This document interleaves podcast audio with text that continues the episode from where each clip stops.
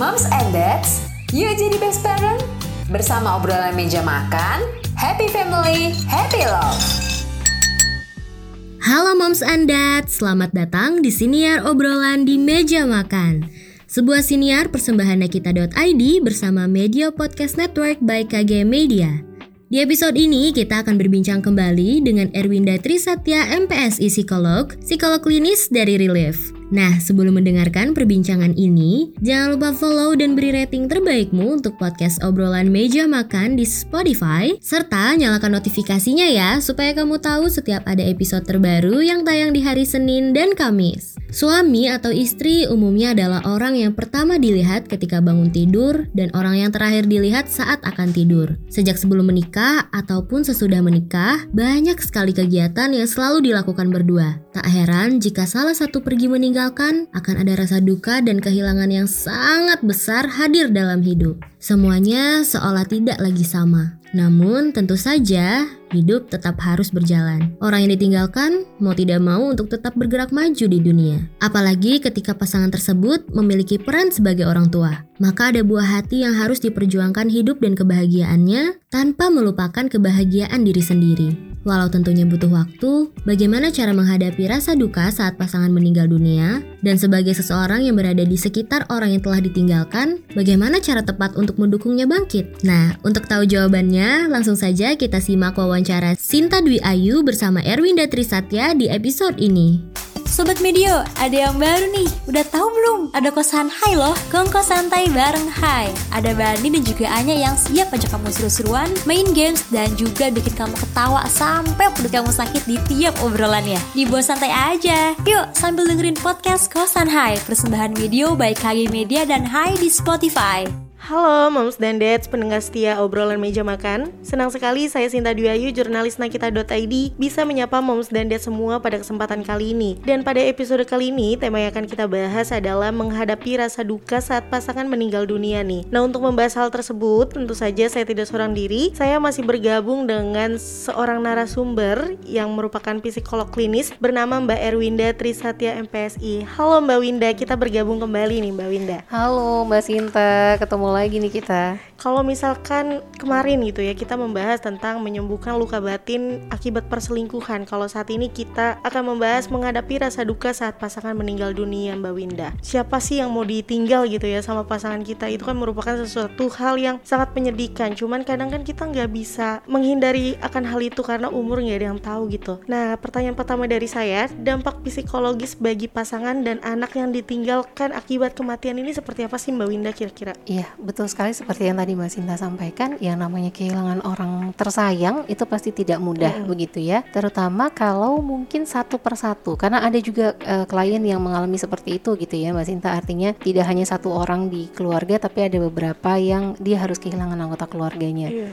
Nah dalam kondisi ini biasanya yang pertama kali muncul adalah kesedihan pasti yang luar biasa begitu. Ketika sedih itu kemudian dihubungkan dengan berbagai aktivitas ke depannya, bisa muncul nih kemudian kondisi depresi misalnya hmm. atau kemudian ada juga yang dia kemudian merasa sendiri merasa akan khawatir dia akan merasa kesepian merasa dia akan kekurangan kasih sayang atau tidak ada yang memberikan dukungan kekhawatiran bahwa dia tidak akan mendapatkan dukungan lagi dari orang hmm. tersayang banyak sekali kondisi yang mungkin terjadi bahkan salah satunya juga bisa adalah kalau dia harus kehilangan anggota keluarganya dengan ada satu kondisi traumatik tertentu misalnya anggota keluarga yang kecelakaan oh, iya. jadi yang ekstrim ya atau kemudian mengalami bencana alam nah itu akan jauh lebih uh, luar gitu biasa ya. lagi emosinya hmm. betul nah berarti kan kalau misalkan kita lihat gitu ya dalam beberapa kasus juga nih Mbak Winda kematian ini bisa membuat seseorang yang ditinggalkan itu menjadi halusinasi gitu Mbak Winda nah hal ini kenapa sih bisa terjadi dan gimana cara mengatasinya kenapa bisa terjadi karena ada dorongan yang luar biasa dari sisi emosi begitu ya. hmm. ya artinya dia dia berharap seandainya,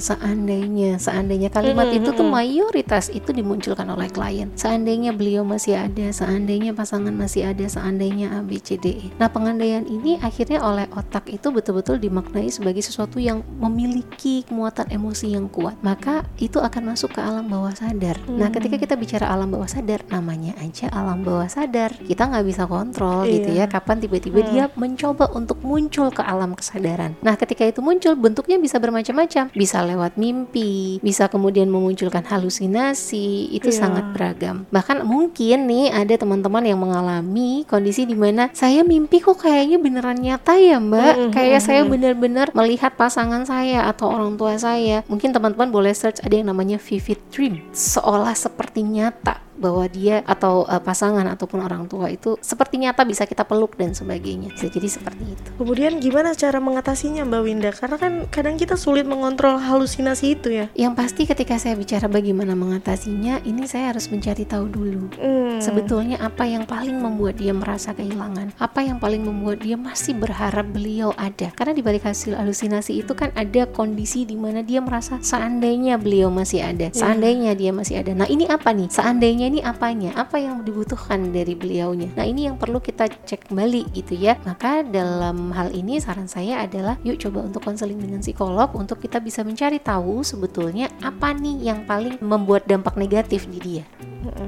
Jangan pernah malu untuk datang ke psikolog ya Mbak Winda Karena banyak orang yang beranggapan bahwa ketika datang ke psikolog Saya dianggap nggak normal gitu Padahal kan nggak juga ya kayak gitu Iya, betul. Apa saja sih tahapan yang harus dilalui seseorang dalam fase berduka nih Sampai akhirnya bisa sembuh Karena saya pernah baca ada beberapa tahap gitu Yang diulang-ulang gitu Mm-mm, mm-mm, Nah itu gimana Mbak Winda? Oke, jadi betul memang ada beberapa tahapan yang bisa dilalui, tapi bukan berarti tahapan ini paten ya teman-teman Hmm. gitu. Artinya tidak selalu tahapannya itu harus dari fase 1, 2, 3, 4, 5 berurutan tidak. Bisa jadi sudah masuk ke fase 4 pun kemudian dia kembali lagi ke fase awal bisa bisa. Jadi sangat banyak dinamika di dalamnya. Tapi kalau secara umum biasanya yang pertama itu dia akan mencoba untuk menyanggah dulu atau denial. Dia akan menyanggah dulu enggak kok gitu. Mungkin rekan-rekan pernah menemui begitu ya artinya pada saat melihat jenazah baik itu pasangan ataupun orang tua kemudian merasa bahwa dia hanya tidur kok. Mereka cuma tidur, mereka tidak meninggal gitu. Jadi ada penyangkalan Kayak seperti nggak itu. bisa nerima kenyataan betul, gitu ya Mbak Winda Betul. Jadi dia akan menyangkal bahwa ini anggota keluarganya meninggal, itu Hmm. ada. Kemudian juga setelah itu nanti ada kemarahan yang muncul. Kenapa harus seperti ini? Kenapa aku harus ditinggalkan? Jadi fase marah ini memang luar biasa biasanya disertai dengan perasaan yang campur aduk. Jadi biasanya dengan Hmm. nangis dan sebagainya begitu ya. Kemudian setelah itu nanti ada bargaining biasanya gitu. Bargaining ini biasanya atau tawar menawar gampangannya ya. Tawar menawar ini bisa jadi salah satu, salah satu aja gitu. Salah satunya yang pernah saya temui adalah kalau seandainya dia masih hidup, aku rela deh nyerahin nyawaku aja. Lebih baik aku saja yang diambil, jangan dia.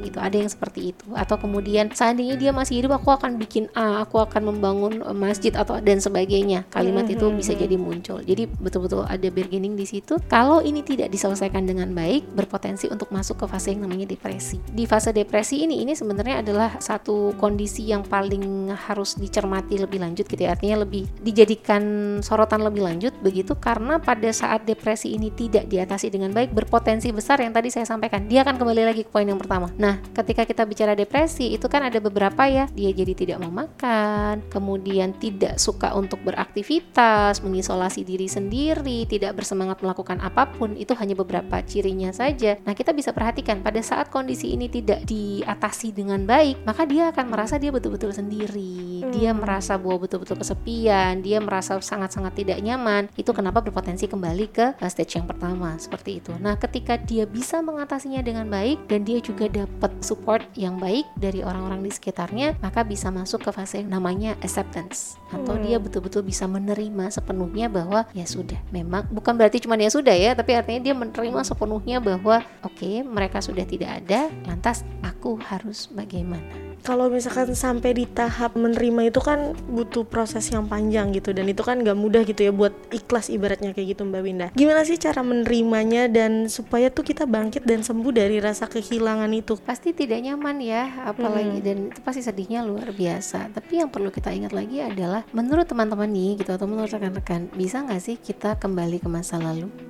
Nggak bisa. nggak bisa pada saat kita bicara hal yang tidak bisa kita kendalikan salah satunya adalah hal yang terjadi di masa lalu. Kita tidak bisa melakukan apa pun dengan itu. Tapi ketika kita berbicaranya adalah apa yang bisa kita lakukan atau apa yang bisa kita kontrol adalah apa yang kita lakukan saat ini. Kita akan mencoba untuk jadi lebih baik kita akan mencoba untuk fokus sama diri kita sendiri meningkatkan kemampuan kita sendiri e, membuat diri kita sendiri merasa nyaman menguatkan diri kita sendiri untuk kita bisa jadi jauh lebih baik. Jadi fokusnya adalah apa yang bisa kita lakukan sekarang Itu gimana Mbak Winda? Apa kita nggak apa-apa gitu sedih atau kita harus berusaha kuat, berusaha bangkit atau gimana Mbak Winda? Mhm. Oke, memang yang tadi saya sampaikan ya, Mbak Nina, Hmm. bahwa proses masing-masing individu itu bisa sangat berbeda-beda. Grieving itu ada yang cuman bisa, eh, ada yang sehari aja beliau kemudian sudah merasa I'm fine, saya enggak apa-apa, saya betul-betul sudah menerima. Ada, ada. Tapi ada juga yang misalnya butuh waktu lebih lama. Bahkan ada yang teman-teman bisa mencari, ada yang merasanya sampai bertahun-tahun kok masih merasa sangat-sangat berduka Iya. misalnya. Karena memang setiap orang itu sangat berbeda-beda. Berapa lama orang itu akan mengalami grieving itu sangat berbeda-beda. Jadi kalau kita kemudian mengkategorikan kok dia lama banget sih, nah itu sebenarnya nggak bisa karena kita nggak pernah tahu variabel dalam hidupnya dia apa aja yang membuat dia sulit buat move on gitu ya bahasanya ya. Iya. Jadi apa yang membuat dia sulit untuk maju lagi kita perlu cari tahu dulu daripada kita hanya sekedar mengatakan kenapa dia nggak bisa move on. Yuk coba cari tahu atau tanya Iya. apa sih yang membuat kamu sulit. Nah, gimana sih cara mengatasi rasa kesepian itu dan terutama untuk anak-anak nih Mbak Winda karena kan kadang kehilangan sosok ayah ketika mereka masih kecil tuh sulit gitu ya. Oke, mungkin kalau di sini berarti artinya yang harus banyak berperan adalah orang tuanya ya. Mm-mm. Gitu artinya kalau dia masih punya salah satu, misalnya masih punya ayah atau ibu atau mungkin dia masih punya nenek begitu ya atau keluarga yang lain, anggota keluarga yang lain, maka itu sebetulnya akan jadi PR besar untuk mereka. Eh, mereka perlu untuk lebih menaruh perhatian terhadap bagaimana sih respon anak. Misal, anak mungkin tidak akan bisa langsung menyampaikan bahwa aku sedih loh kehilangan ayah ibu. Belum tentu gitu. Tapi cobalah untuk mendekat kepada mereka. Hindari untuk langsung bertanya, "Apa yang kamu rasakan, Nak?" Nah, mereka bukan seperti orang dewasa yang bisa langsung Mhm. jawab begitu Betul, ya. betul. Peluk aja dulu sampaikan kepada mereka bahwa di sini masih ada nenek, di sini masih ada om, di sini masih ada tante. Kapan pun adik mau main, kapan pun adik mau ngobrol, eh, nenek eh, atau kakek atau saudara yang lain itu akan siap buat dengerin adik. Adik inget ya, kami sayang sama adik. Nah itu akan jauh lebih baik daripada kita cuma sekedar bertanya gitu ya. Ini dari sisi keluarga. Lantas bagaimana kalau ini konsepnya adalah pasangan? Artinya kita yang kehilangan pasangan kita gitu ya. Ya pastinya pasti akan ada perubahan ritme yang selama ini mungkin bersama dengan mereka, semuanya dilakukan bersama, penyelesaian semua masalah, mungkin diskusi dengan mereka begitu ya. Daripada kita hanya sekedar memilih untuk sedih atau kemudian memilih untuk diam aja gitu, cobalah ingat lagi apa sih hal baik yang selama ini sudah pernah dilalui bersama dengan pasangan. Apa yang bisa kita ambil sisi positif yang sudah kita pernah lakukan dengan pasangan. Misalnya pada saat kita kemudian menemukan masalah yang di masa yang akan datang nih, oh iya, aku perlu ingat bahwa kalau suamiku mungkin dia akan berpikir A, B, C. Kita nggak selalu harus langsung melupakan loh, Iya. karena yang namanya kehilangan itu pasti tidak bisa kita lupakan Mm-mm. gitu ya. Maka yang bisa kita lakukan adalah berdamai.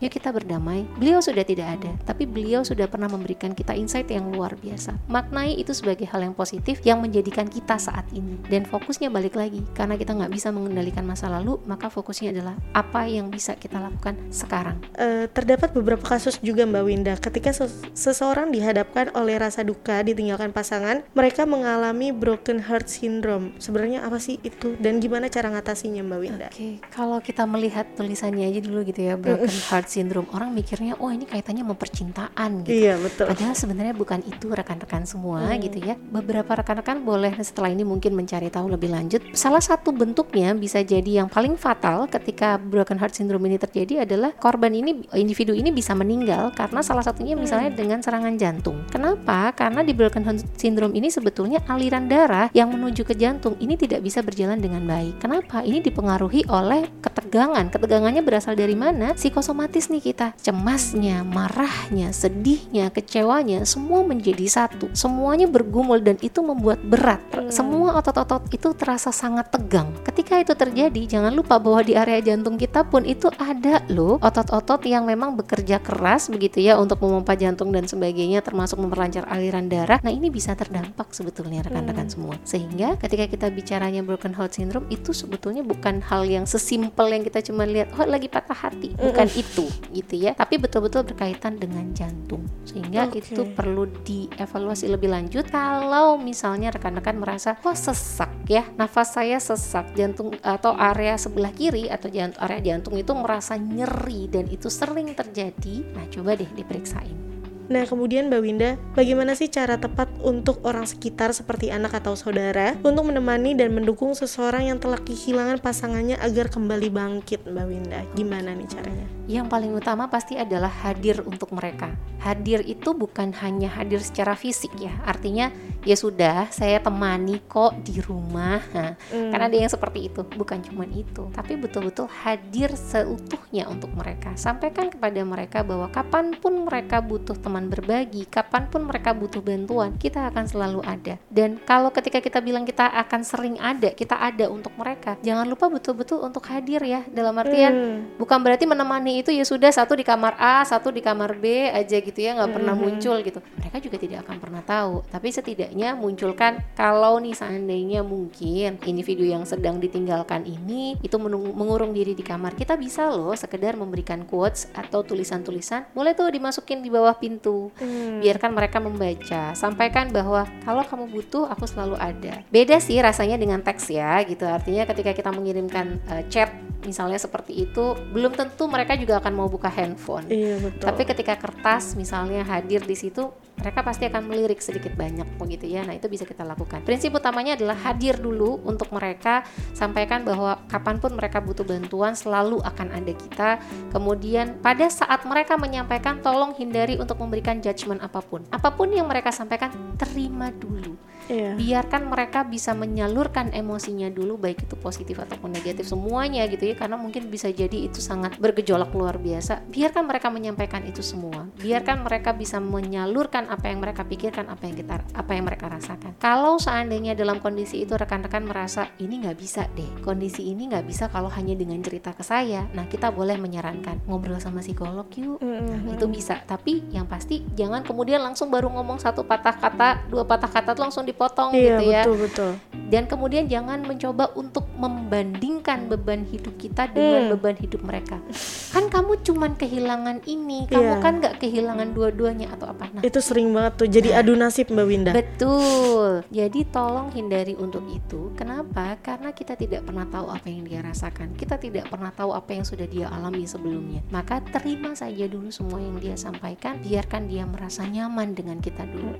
Kalau setelah itu kita merasa bisa membantu, yuk kita coba membantu membuka pikiran dia supaya jauh lebih baik. Tapi kalau tidak mampu, sarankan dia untuk nemuin psikolog. Baik, ketakutan akan kehilangan bisa membuat seseorang mengisolasi diri untuk bertemu dengan banyak orang baru nih. Bagaimana sebenarnya definisi life must go on dalam ilmu psikologi untuk seseorang yang baru saja ditinggalkan nih Mbak Winda? Oke, ketika kita bicara life must go on itu kan kayaknya orang gampang banget ya ngomongnya ya.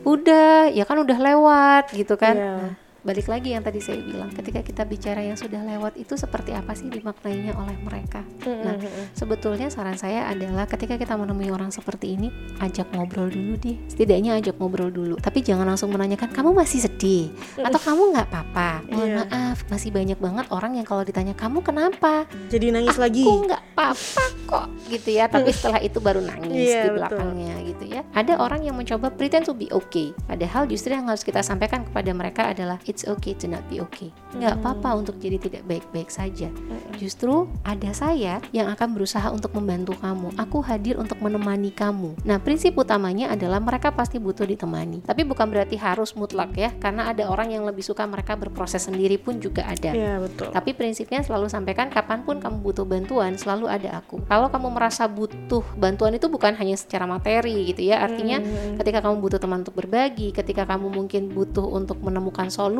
dan sebagainya, kamu bisa menghubungi aku. Nah, itu yang bisa disampaikan gitu ya. Itu itu fokus utamanya sebetulnya. Sehingga orang ini yang kehilangan itu merasa masih ada orang yang mau membantu dia.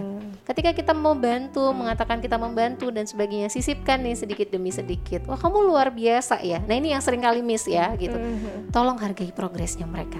Even itu baru sedikit gitu. Ketika melihat hari ini, wah senyummu luar biasa loh hari ini dan aku bersyukur banget bisa melihat kamu senyum sekarang. Bukan berarti kamu harus senyum sepenuhnya terus kok. Kalau memang kamu ngerasa butuh bantuan, lagi-lagi kita sampaikan ada aku. Tapi jangan dirimain terus-terusan juga Iya. gitu ya. Jangan cuma senyum-senyum terus tuh, jangan gitu terus gitu ya. Karena jadinya dia ngerasa, oh aku nggak boleh senyum ya. itu ada juga gitu ya. Jadi prinsipnya kita ingatkan bahwa selalu ada aku. Kemudian kita ajak ngobrol atau kita ajak jalan atau kemudian kita berikan lebih banyak eh, informasi. Oh ini yang ke depannya atau kamu setelah ini mau ngapain dan sebagainya. Kita bantu support dia untuk kamu maunya ke depan ini ngapain sih? Iya. Nah, itu yang kita bantu. Karena ada beberapa orang yang mungkin ketika di hari dukanya nih kayak berjanji gitu, saya akan nemenin kamu sampai kapan pun sampai kamu sembuh. Tapi kenyataannya nih banyak orang yang sehari dua hari udah nggak peduli lagi gitu. Jadi kita kayak- Basa-basi aja ya. Iya betul. Jadi kita kayak ngerasa sendiri duka dan itu sih yang mungkin itu banyak juga tuh orang-orang di TikTok yang curhat kayak gitu tuh Mbak Winda. Iya betul, tapi selalu saya akan sampaikan nih rekan-rekan bahwa oke kita pasti akan butuh bukan pasti ya, tapi eh, mayoritas dari kita itu butuh support dari orang lain. Tapi yang paling penting, support yang paling penting itu justru adalah dari dalam diri kita sendiri. Mm. Kita mau seperti apa? Saya mau seperti apa? Winda ke depannya mau seperti apa? Winda ke depannya pengennya gimana? Nah, itu dulu yang harus kita deskripsikan. Kita mau seperti apa nih ke depannya?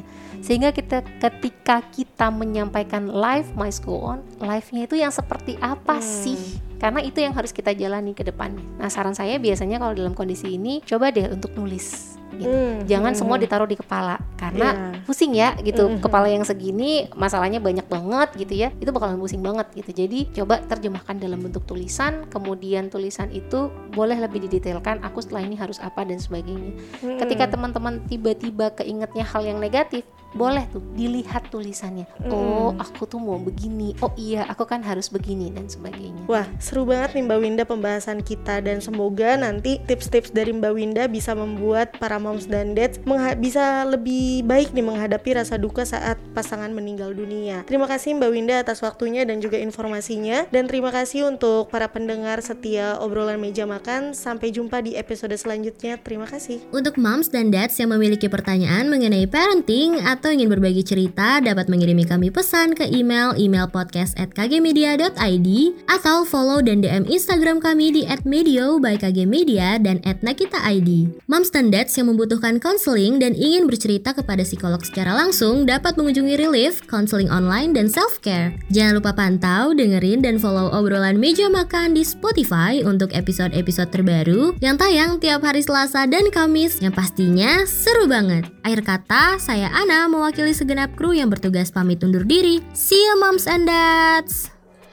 Thank you for listening, moms and dad. See you on the next episode. Happy family, happy love.